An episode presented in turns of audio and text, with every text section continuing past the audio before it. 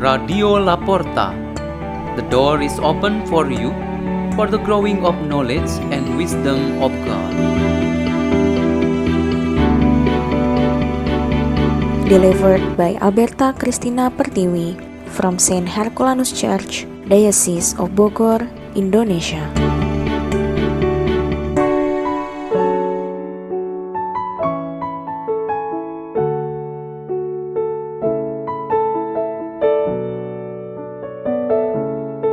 Reading and meditation on the Word of God on Tuesday of the 23rd week in Ordinary Time, September 6, 2022.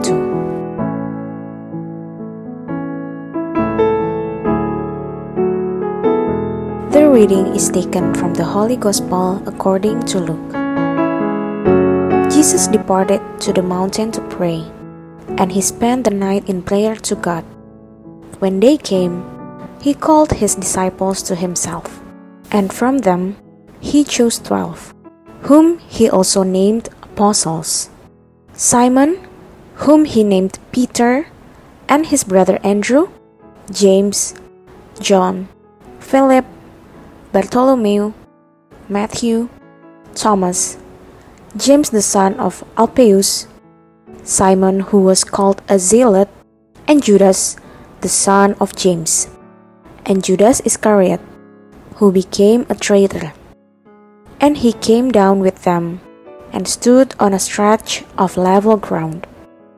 A great crowd of his disciples and a large number of the people from all Judea and Jerusalem and the coastal region of the Tyre and Sidon came to hear him and to be healed of their disease. And even those who were tormented by unclean spirits were cured. Everyone in the crowd sought to touch him, because power came forth from him and healed them all. The Gospel of the Lord.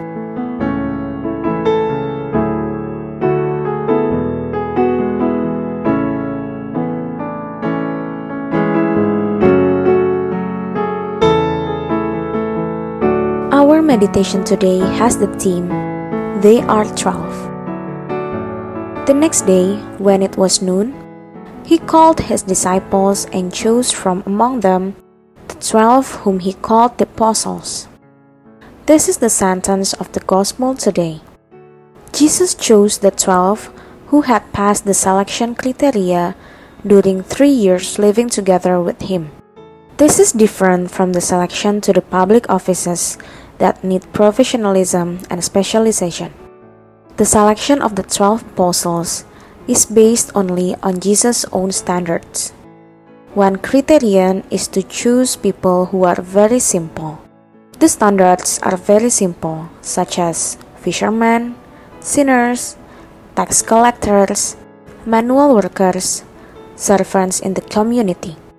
They are not educated people and have no social influence. Jesus chose and made them the closest partner in his work, not because of who they are, but to become what and who later on according to his guidance and power.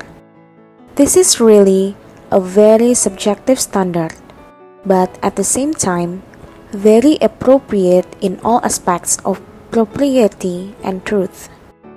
There was no protest from anyone regarding the selection. Interpretation of number 12 gives us an important meaning. They represent the 12 tribes of Israel. They are the people of Israel who were the first intention for Jesus to be sent by the Father. In the real sense, we all followers of Christ are these chosen people. Therefore, the 12 apostles are all of us members of the church, marked by baptism by the Holy Spirit in the name of Jesus Christ.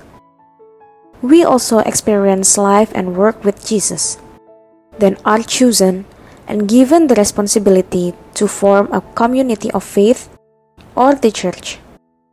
We are chosen to be brothers and sisters in Christ. Being those who belong to Christ, said St. Paul in the first reading, says that we should continue to live united with Him. Our lives are rooted in Him and built on Him.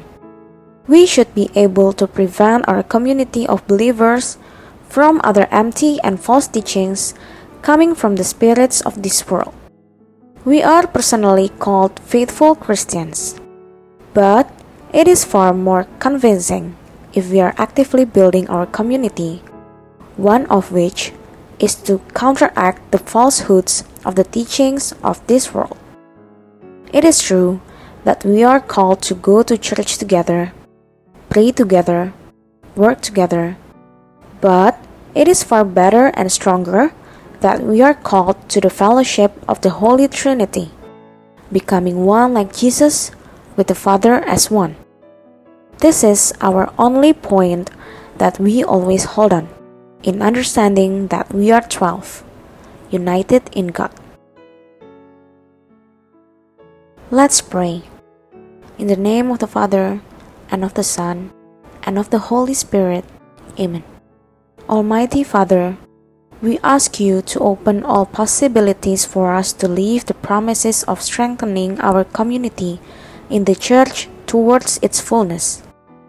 Glory to the Father, and to the Son, and to the Holy Spirit, as it was in the beginning, is now, and ever shall be, world without end. Amen.